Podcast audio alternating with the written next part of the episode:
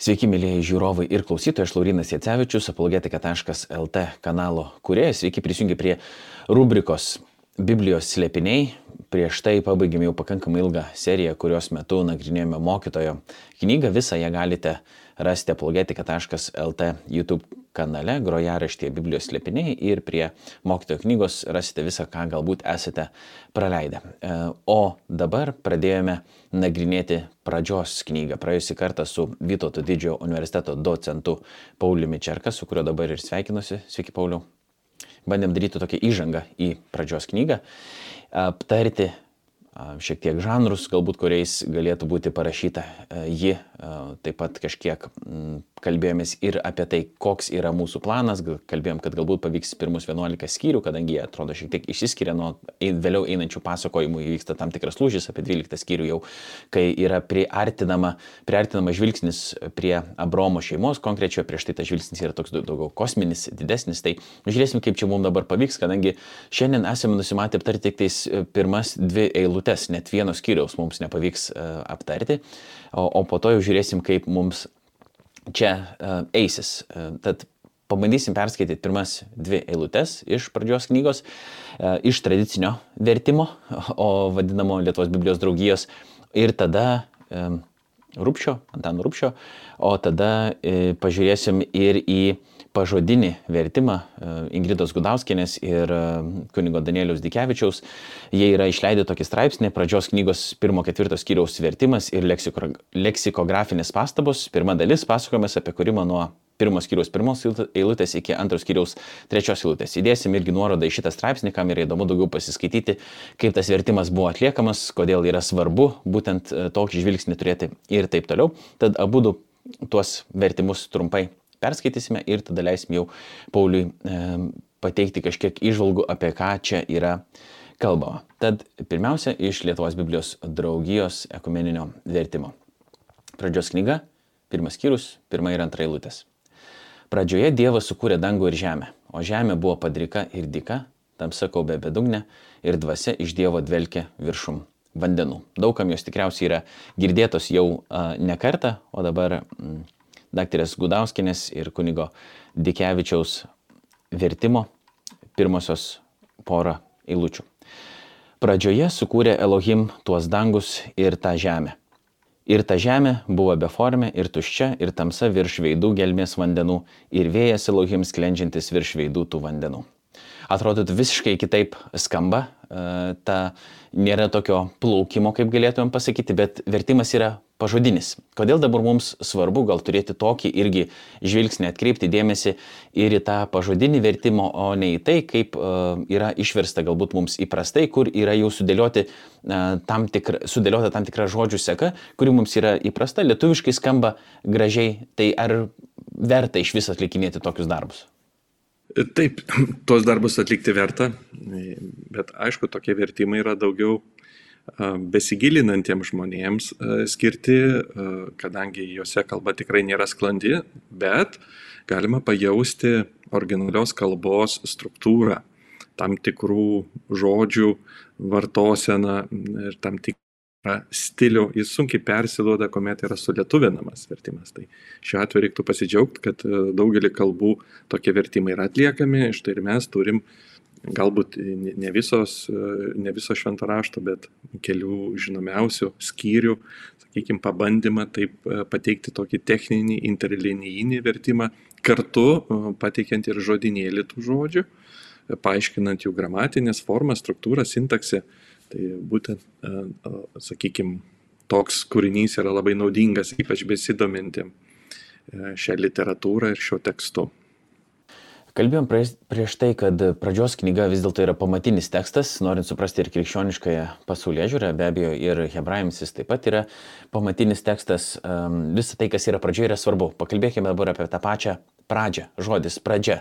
Jis neretam asocijuojasi su ir, sakykim, tarpsta e, tokiam chronologinėme kontekste, kad e, kažko galbūt nebuvo, tada pradėjo, atsirado, bet nebuvo to dalyko, bet kažkas vis tiek prieš tai buvo, laikas teka, sakytumėm taip. Mes e, apie dalykus, kurie yra nelaikė, nesugebam galvoti, taip pat kaip ir nesugebam mąstyti apie nieką. Tai tas žodis pradžia, ką jisai čia reiškia? Iš tikrųjų, stereotipiškai dažnas mūsų turbūt įsivaizduojam, skaitydami šį pasakojimą, kad mes skaitome tarytum apie kažkokį įvykį, kuris vyko seniai seniai, labai seniai. Ir kartais ir tikinti žmonės bando įrodyti ar paneigti praeitie įvykusi na, sukūrimą, tarytum tai yra kažkoks įvykis įvykęs praeitie, kurį mes galbūt galime fiksuoti, stebėti, ar, ar įrodyti jo buvimą, ar priešingai, na, paneigti jo buvimą. Tai šiuo atveju pamastykime ir Augustinas jau tą parodė, kad Dievas sukuria ir patį laiką. Jei laikas yra sukūriamas, tai kaip mes galime galvoti apie kūrimą laikę, jei pats laikas atsiranda, jis yra sukūrimas, reiškia, nieko nėra prieš tą sukūrimą.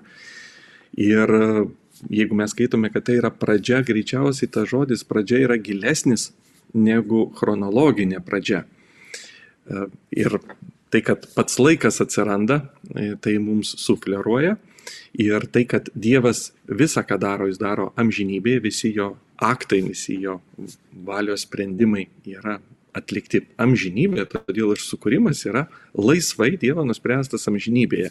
Jo padariniai, jo poveikis yra mūsų laikė, bet pats veiksmas ir aktas yra vientisas, vienas ir jis yra amžinas Dieve. Štai kodėl mes skaitom pradžioje. Žodis pradžia tiek hebrajų, tiek graikų kultūroje jisai buvo turtingesnis, negu mes šiandien į lietuvių kalboje naudojam. Dažniausiai mums pradžia asocijuosi tik su chronologija. Tai yra laiko pradžia, įvykis laikė, kuris įvyksta pirmas.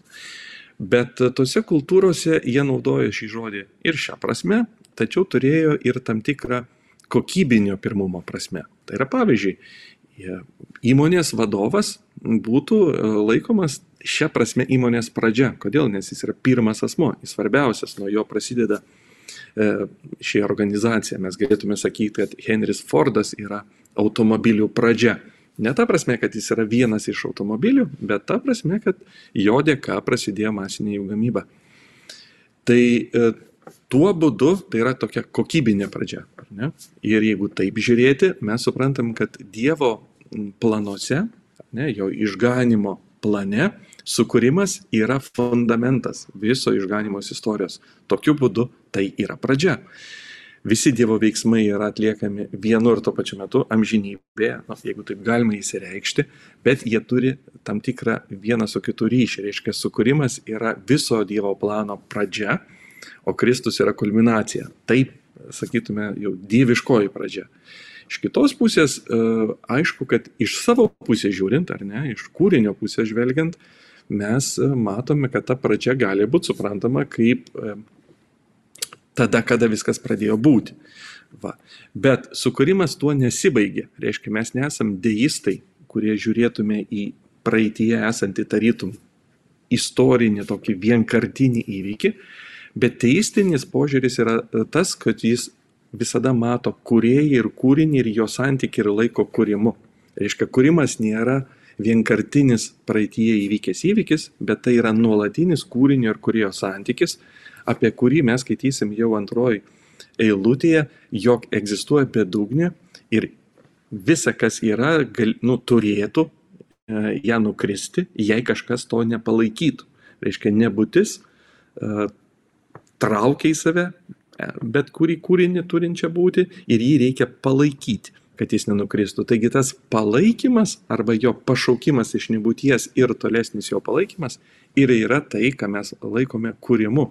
Reiškia, kūrimas yra kūrinio ir kurėjo santykis, dėl ko kuriejas duoda būti kiekvienam kūriniui ir tą būti palaiko. Reiškia, jeigu mes šiandien esame ir nenustojame būti, reiškia, kūrimas kūrimo aktas vis dar, ne kad vyksta, bet jo, jo poveikį mes jaučiame, jis, jis yra čia ir dabar. Tai vad žodis pradžia, mm, na, mums turi nurodyti dievišką pradžią, jo planuose esančią tam tikrą tvarką ir kūrinio pradžią, kad kūriniai pradėjo būti.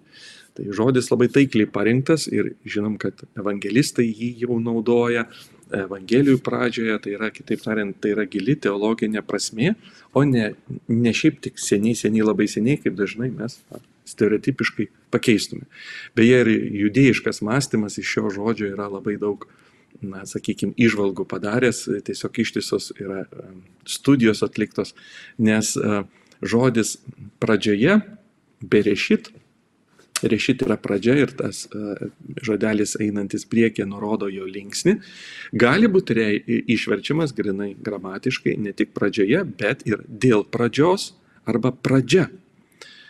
Ir šiuo atveju tas žaidimas šiuo žodžiu leidžia na, mąstyti, kad tai nėra atsitiktinai taip perskaitoma, kad kiekvienas perskaitimas tarytum turi savo įpjūvį ir šiuo atveju na, ypatingai jau judėjų teologai pastebi, kad patar, patarlių aštuntam skyriui mes skaitome, kad išmintis yra jo kelių pradžia.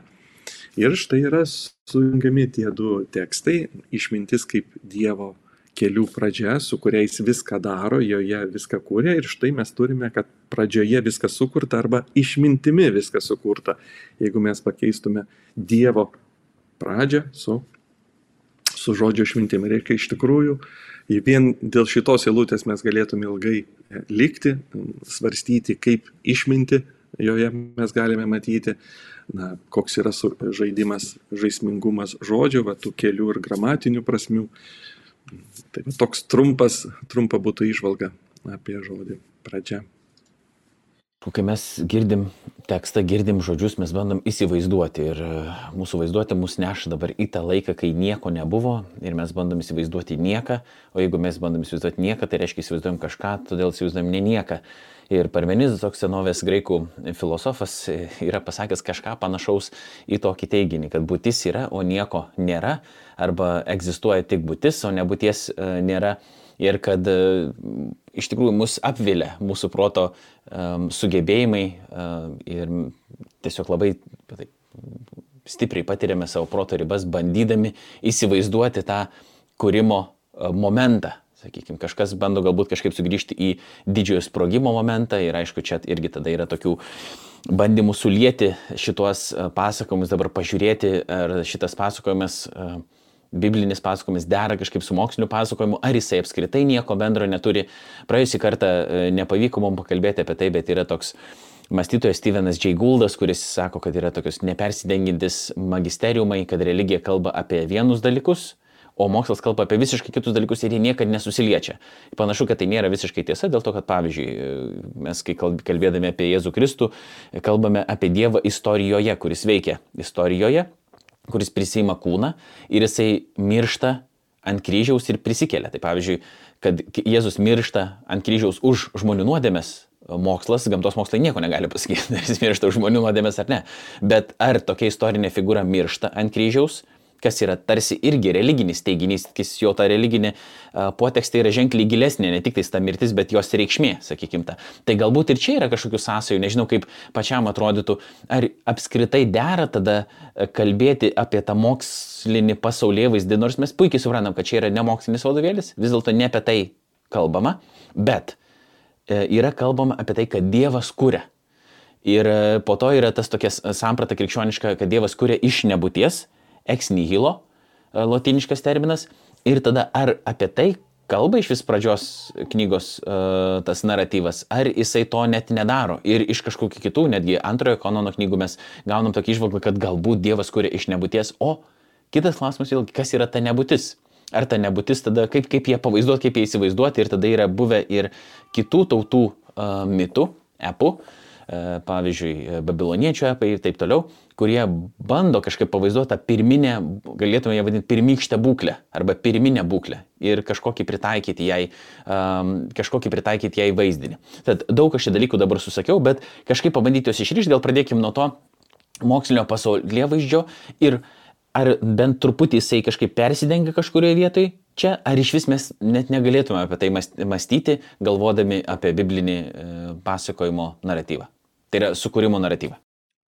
Tam tikro persidengimo yra, bet e, klaidinga mąstyti, kad mes galėtume iš teologinio teksto, ne, suprasti, sakykime, m, grinai tech, technologinį aspektą e, būties atsiradimo ir vystimosi.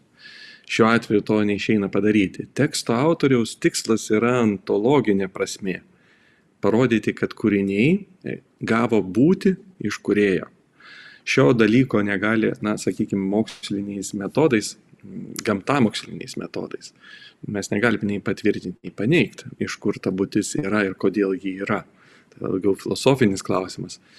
Bet gamtamokslis gali svarstyti apie visatos tam tikrą na, pradžią grinai laikę ir e, na, didysis sprogimas nėra visiškai tas pats, kas visatos pradžia, bet tai jau yra kažką arčiau to. Ir buvo laikas iš tikrųjų, jog na, mokslininkų bendruomenė, pavadinkime taip, labai skeptiškai žiūrėjo į hipotezės, kuriuose visata turi pradžią iki tol, kol nepasirodė aišku argumentų, jog vis tik e, didysis sprogimas yra tikrai labai pagrista hipotezė. Jis skambėjo labai e, panašiai į biblinį pasakojimą ir dėl to buvo tam tikras skepsis. Bet šiandien, sakykime, vyruojanti pozicija yra, jog tai tikrai labai rimtai pagrista hipotezė.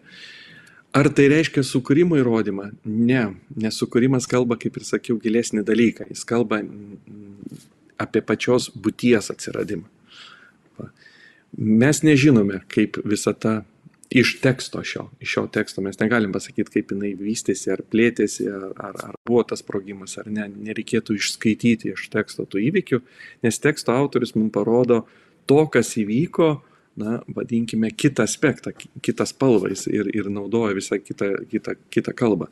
Tai viena vertus tie dalykai persidengia, bet reiktų atskirti, kad mes žiūrime į vieną ir tą patį, na, skirtingų aspektų. Tai konflikto būti negali, jeigu mes teisingai suprantam, kurio kampu žiūrime. Ir sukūrimas nėra didysis sprogimas, tai nu, nereiktų sutapatinto. Sukūrimas yra gilesnis įvykis, negu tik tai kažkas praeitie įvykusio. Tai yra, nu, ir šiandien mes jo, sakykime, esame jame, nes vis dar turime būti.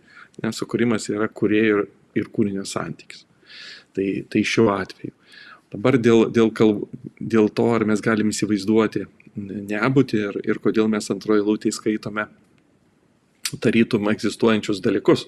Ne, mes skaitome ir apie bedugnį, apie vandenis, apie tamsą. Ir dalis egzegetų mm, teigia, jog e, pradžios pirmas skyrius na, yra parašytas mm, na, teologijoje, kurioje nebuvo tokios, e, dar nebuvo pažįstama tokia tiesa, kaip sukūrimas iš nieko, eksnihilio, e, remintis būtent tos antros, antroje lūtėje sutinkančiais, tarytum, na, egzistuojančiais dalykais - vanduo, tamsa, gelmė. Bet gali būti, kad mums, kaip 21 amžiaus skaitytojams, tai atrodo egzistuojantis dalykai, bet visai kitaip juos e, suprato e, tuo metiniai klausytojai. Jie puikiai turėjo tam tikrą na, kalbą aprašyti nebūtį ir chaosą. Dažniausiai vat, šėlstanti jūra, e, bedugnė ir buvo tie vaizdiniai aprašyti to nebūtį, reiškia to, kas nėra. Šiandien, jeigu mums lieptų nutapyti ar įsivaizduoti nebūti, dažniausiai tai būtų tuščias lapas, mes kažkaip tuštumą uh, pateiktume kaip įvaizdį nebūties. Bet problema yra ir su tuštuma, nes tuštuma jau yra erdvė, o nebūtis net ir to neturi. Ir jeigu mes norėtum jau tiesiogiai įsivaizduoti nebūtį, panašu, kad mums sunkiai e, pavyktų tai padaryti, nes mes vaizduotę turime turėti kažkokį vaizdinį. O čia nėra nei laiko, nei erdvės. Reiškia, tušęs lapas nėra geras vaizdinys to, mes turim naudoti kažką kitą. Tai tuo metu kultūrose jie mąstė mm, aspektą nebūties, kuris buvo aktualus, kad nebūtis kelia grėsmę būčiai. Ir va būtent tas grėsmingumas ir perteikiamas yra per bedugnį, kurie galima nukristi ir į, e, į šelstantį vandenyną, kuris krantą, reiškia, išplauna ir nuolat jį atakuoja. Tai tokiais vaizdiniais yra perteikta ne tai, kad nebūtis yra reali, ontologiškai tarytume esanti, ne, bet yra perteikta, kad visa būtis yra trapi ir ji savaime nesilaiko. Reiškia, tais vaizdiniais yra per, per, perteikta labai svarbi tezė, kad visa, kas yra, nėra tvaru. savaime nesilaiko, reikia, kad kažkas palaikytų.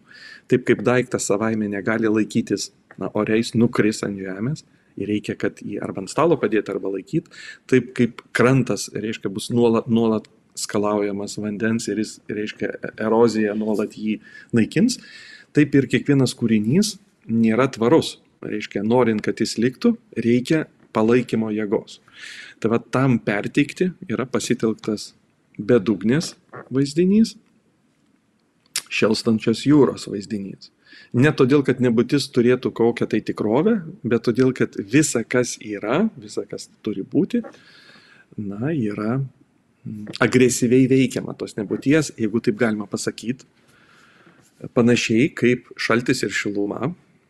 Na, sakykime, lietuvių kalboje niekam nekyla bejonių, kad reikalingas to žodis šaltis, bet jeigu paklaustume fiziko, arba bent jau pažiūrėtume į mūsų vadovėlis mokykloje, taip, tai apibrėžimas nėra tokio klausimo, kas yra šaltis. Galima tik pakalbėti, kas yra šiluma. Ir kas yra šiluma, galima paaiškinti, ar ne? Šaltis kaip toksai, na, jis neturi ontologinės būties, ne? bet vis tik mes jį patiriam. Tai yra tiksliai įsireiškus šilumos trūkumas. Bet jeigu mes tik sakytume šilumos trūkumas, mes vėlgi nepasakytume daug ko. Kodėl mes sakom uždaryk langą, neleisk šalčio. Nu, techniškai reikėtų sakyti, na, neišleisk šilumos, bet realiai mes jaučiame, kaip šaltis įeina, mes vėstame ir kad šiluma būtų namuose reikia apšiltinti namus, jinai savaime nesilaiko, jinai išsklinda šaltyje. Tačiau techniškai šalčio nėra, o žodis yra na, jeigu matuotume šaltį ar šilu, šilumą, tiksliau, absoliučiais matavimo vienetais, kelvinais, tai e, mes negalėtume rasti minus kažkiek kelvino, ar ne, mažiau nulio būti negali. Tai yra absoliutus nulis ir mažiau nulio nu, negalima, reiškia, yra tik tai daugiau ar mažiau šilumos. Ir vis tik uh, mums reikalinga tokia savoka kaip šaltis. Ne?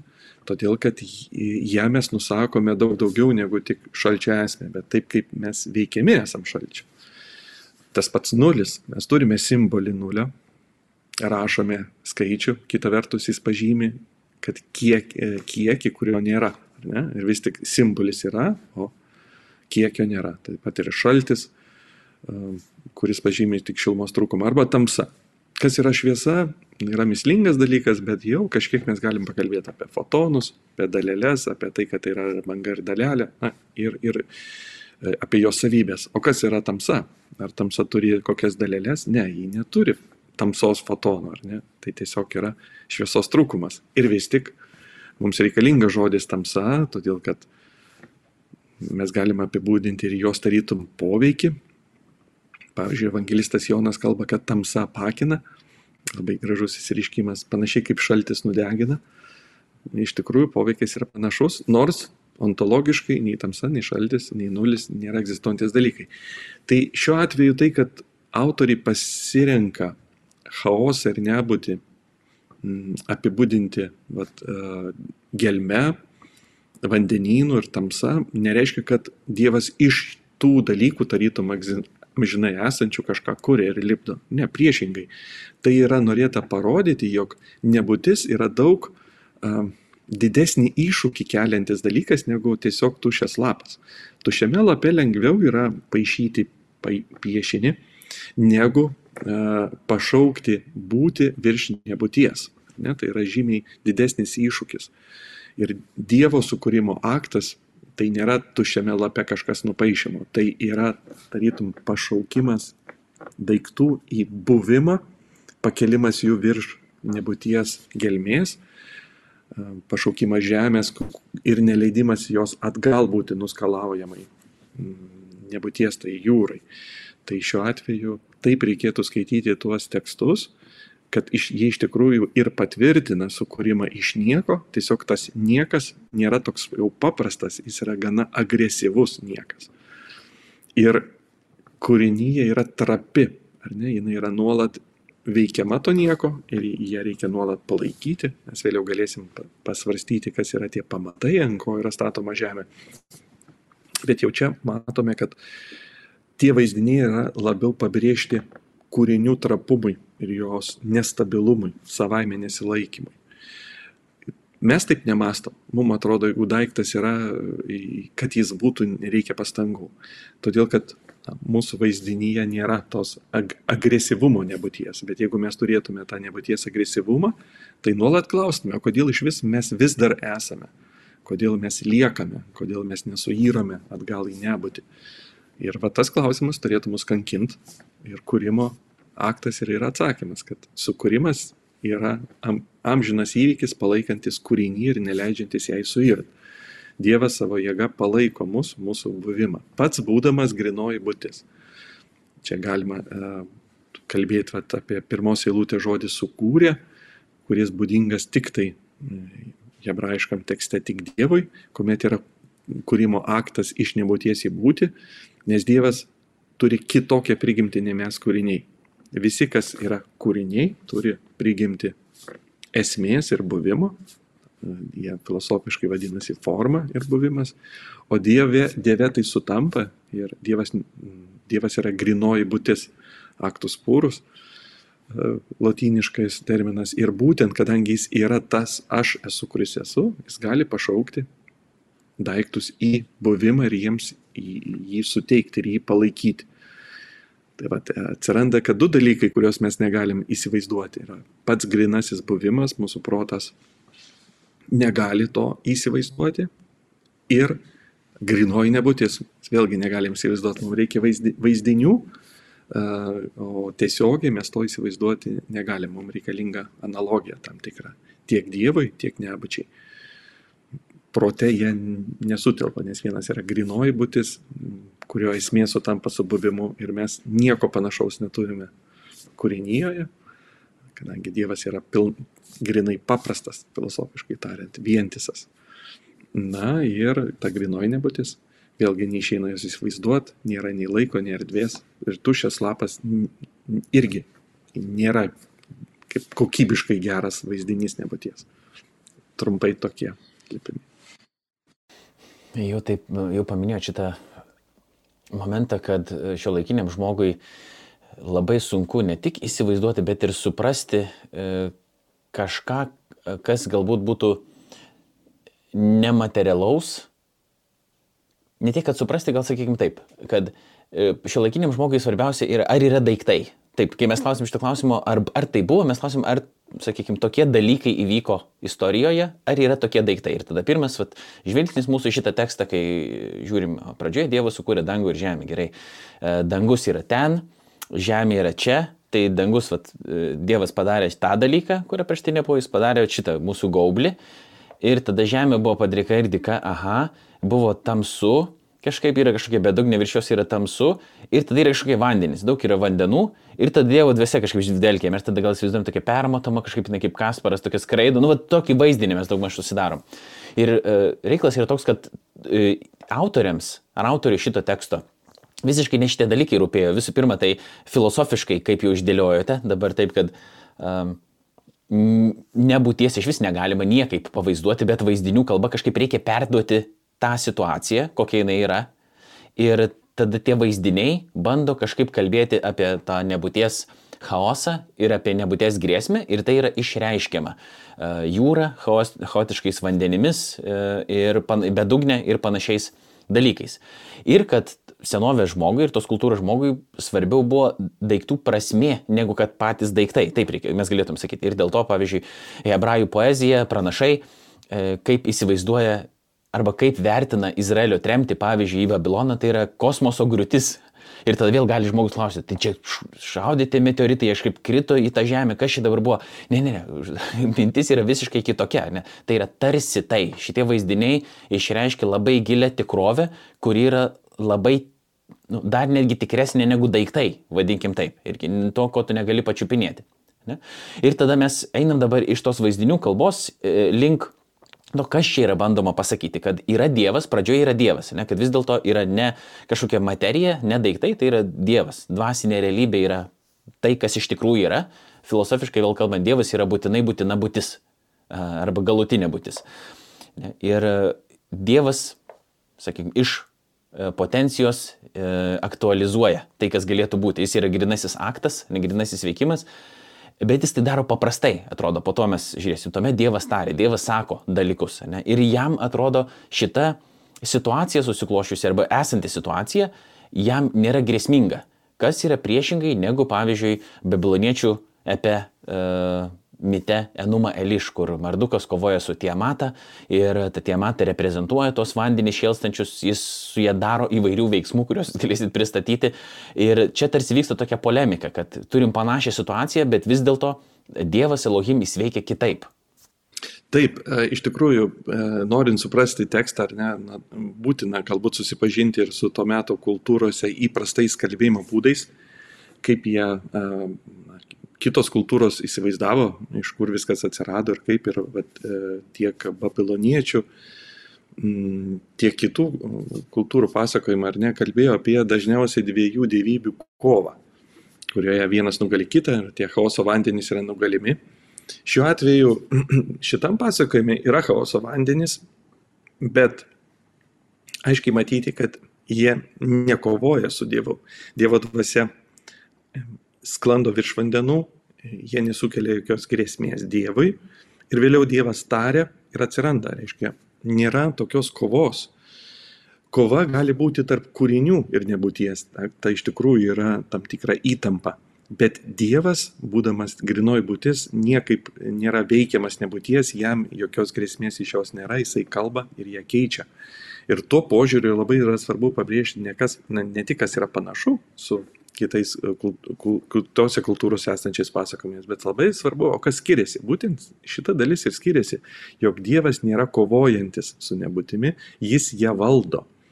Jis tarė ir jinai paklūsta jinai nėra jam lygiavertė, nėra dviejų pradų, būtis ir nebūtis, gėris ar blogis, kaip įsivaizduojama kartais, bet priešingai yra tik vienas visako pradą teikiantis e, na, tikroji grinoji būtis, ne, Dievas, kuris viską pašaukė. Va, kita vertus, jeigu skaitom a, a, apie pirmąją lūtę, Tai aišku, lietuviškam tekste ir, ir, ir kitose tekstuose atrodytų, kad mes kalbam apie tarytum pirmąjį veiksmą, Dievas sukūrė dangų ir žemę, o vėliau mes e, matysim, kas vyko paskui. Atrodytų, e, skaitant vertimui, vertimą mes na, matom tokią seką, bet hebrajiška sintaksė mums labiau siūlytų kitą variantą, kad pirmas sakinys yra apibendrinantis visko, kas vėliau bus aprašyta detaliau. Tai yra toksai summary, santrauka. E, dalis bažnyčios tėvų irgi matė pirmąją eilutę kaip santrauką, Oksaburnis e, kalbėjo, kad tai tarytum viso ko įvyks santrauka. Ir ypač dabar, kuomet e, pradėti vertimai jau iš hebrajų kalbos, šita pozicija tampa labiau stipresnė. Grinai sintaksės požiūriu, jog mes pirmą eilutę galim kalbėti apie ne kaip pirmąjį veiksmą, tarytum, kas įvyko prieš pirmą dieną, bet viso ko įvyks santrauka, O dangus ir žemė, vėlgi trumpai galima aptarti, žemė žodis tikrųjų yra, lab, reiškia pažodžiui kraštas. Mes irgi lietuvių kalboje galim sakyti Lietuvo žemė arba Lietuvos kraštas ir neturime omeny gaublio Lietuvos kažkokį. Gaublys atsiranda tik 19 ar ne 20 amžiuje, kai yra, kaip tampa galbūt nu, anksčiau, aš atsiprašau, anksčiau, bet mūsų sampratoje tas vaizdinys, e, nuotraukos padarytos iš menulio, ar ne, tos žinomiausias mūsų Žemės, dažniausiai mums tai yra Žemės paveikslas, ar ne, kaip, kaip jinai matosi iš kosmoso. Tai suprantama, kad kai jie uh, autoriai ir skaitytojai pirmieji, kurie girdėjo šitos žodžius, jie naudojo žodį na, Žemė, ne planetai Žemė paminėti. Tai buvo kraštas, kur gyvena žmonės. Tai gali būti Izraelio žemė, Izraelio Dievo tautos kraštas ar kitas kraštas, bet tai yra žmonių gyvenama teritorija. Tai vad dangus ir žemė iš esmės yra regimoji ir neregimoji kūrinyje, e, taip kaip e, tikėjimo išpažinime mes kalbame apie paštalų išpažinime dangaus ir žemės, o jau Nikėjos Konstantinopolė sakom regimosios ir neregimosios visatos ir, ir tikrovės kūrimą. Tai šiuo atveju tai yra vaizdinys to, kas yra regima ar neregima. Regimo vaizdinys yra žmonių gyvenamas kraštas, o neregimo yra tiesiog dangus, kaip ir šiandien mes kartais sakom, paukščiai sklando, skraido danguje, nors suprantam, kad tai yra tik toks lietuvių kalbos vartosena, bet lygiai taip pat ir hebrajai sakė kažką panašaus. Tai yra vaizdinys viso, kas ne, neregima, o žmonių kraštas yra viso, kas regima, tai yra visos materialiosios visatos vaizdinys telpa į žmogaus gyvenamą vietą. Tai yra tarytum visata yra ten, kur gyvena žmogus. Čia ne tai, kad planeta Žemė, ar ne? Tai yra tik vaizdinys viso, kas regima o ne, ne planeto Žemės. Tai kai skaitom, kad Dievas sukūrė dangų ir Žemę, neturime omeny, kad planetą Žemė sukūrė, jis sukūrė visą materialę visatą, kuri yra pavaizduota vaizdiniu žmogaus gyvenamo krašto. Pabaigai šiandien, kadangi mes bet turim likusias kelias minutės, pabandykim pažvelgti dar į antrą eilutę ir galbūt kai kuriem atrodytų kontroversišką vietą kur e, hebrajiškas žodis ruach yra vienam vertime dvasia, kitam yra vėjas. Ir dvasia vėlgi krikščioniui tulam atrodytų, kad tai yra šventoji dvasia, asmeniška dvasia, kuri dvelkia viršum vandenų ir dalyvauja kūrime. Ir galbūt taip galima skaityti, bet yra ir ta kita reikšmė - vėjas.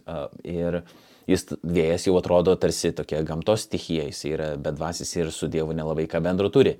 Kaip reikėtų tada šitą vietą mums suprasti ir kodėl galbūt vienam vertime toks pasirinktas žodis, o, o kitur kitoks? Na, vertėjai tenka vieną žodį pasirinkti ir vėliau komentaruose visada paaiškinti, e, kad šis žodis iš tikrųjų turi kelias prasmes. Gali būti tiek stichijos vėjas, tiek gali būti dvasia. Na, čia jau tai galima svarstyti, kaip jis susiformavo ir kodėl e, Izraelio tautoje, hebrajų kalboje būtent žodis apibūdina vieną ir kitą.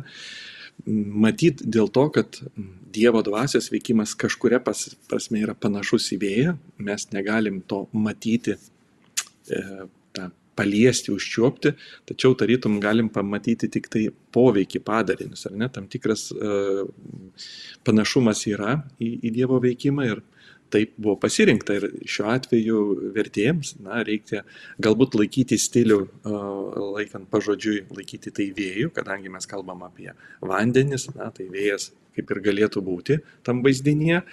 Kita vertus, uh, na, ir, ir, ir į graikų kalbą, ir į kitas buvo verčiama jau kaip dvasia, žodis pasirinkant, kad tai yra Dievo veikimas. Čia ne šiaip vėjas, stichinis vėjas, bet tai yra Dievas, kuris e, yra nepaliečiamas ir neveikiamas šitos audros, jis yra virš, labai svarbu pabrėžti, kad jis yra virš vandenų, jis yra aukščiau nebūties ir jam na, ta nebūtis niekaip negali grėsti, jis ją valdo ir jis tarė žodį ir viskas keičiasi. Vėliau mes matysim, kad e, šio vaizdinio atsikartojimą ar kitose tekstuose tas irgi padeda vertėjim parinkti tinkamą žodį, nes žodis sklandė yra būdingas paukščiam labiau negu vėjai ir tai yra šiek tiek neįprasta, kad vėjas sklando. Ir šį žodį mes sutiksime, kuomet senoje Dievas išveda Izraelio tautą iš Egipto, tai vėlgi yra pavaizduota pakartoto įstatymo knygoje, kad jis, kuris sklando. Na, taip pat e, sutiksim paukščius Nojaus pasakojime, kuomet jis siunčia balandį, jisai sugrįžta ar ne virš vandenų. Na ir senoje, e, Jėzus Krikšto senoje, kuomet Jėzus atkartojant šį sukūrimo aktą yra vandenyje virš vandens ant jo nužengia šventoji dvasia, tarytum balandis. Ir čia vėl yra akivaizdi nuoroda į sukūrimo sceną, tik dabar jau matom naujo kūrinio, naujos kūrinijos pradžią. Dievas pradeda kažką naujo. Ir vėlgi yra paukštis, kuris sklendžia. Tai šiuo atveju tie vaizdiniai mums padeda turbūt pasirinkti šį žodį, kad tai yra dvasia, kuris sklando labiau negu na, vėjas, bet vėjas tinka uh, kita prasme, ne, kad tarytum tai dvasios veikimas to vėjo apibūdinamas. Ačiū Pauliu, ačiū visiems, kurie buvote e, kartu. Viliuosi, kad dar ir būsite kartu su mumis. E, jeigu ką nors esate praleidę arba norite perklausyti e, iš naujo, galite užsukti apologetika.lt YouTube kanalą grojaraštį Biblijos slėpiniai. Ten rasite ir mokyto knygos aptarimą, bet taip pat ir šitą ciklą, kuriuo metu kalbame su Vytauto didžiojo universiteto docentu Pauliumi Čerka apie E, pradžios knygą. Na, o jeigu norite palaikyti apologetika.lt veiklą, tai galite padaryti užsukę apologetika.lt, pasvirasis brūkšnys parama, ten rasite įvairių būdų, kaip tai reikėtų padaryti. Be abejo, prenumeruokite kanalą, rašykite komentarus tam, kad e, šitą laidą ir kitas išgirstų daugiau žmonių, jeigu tik jums tai patiko. Jeigu nepatiko, spauskite nykštį atitinkamą, jeigu patiko, irgi taip pat padėkite YouTube algoritmui mus atrasti. Dar kartą dėkui visiems, iki kitų susitikimų ir sudėv.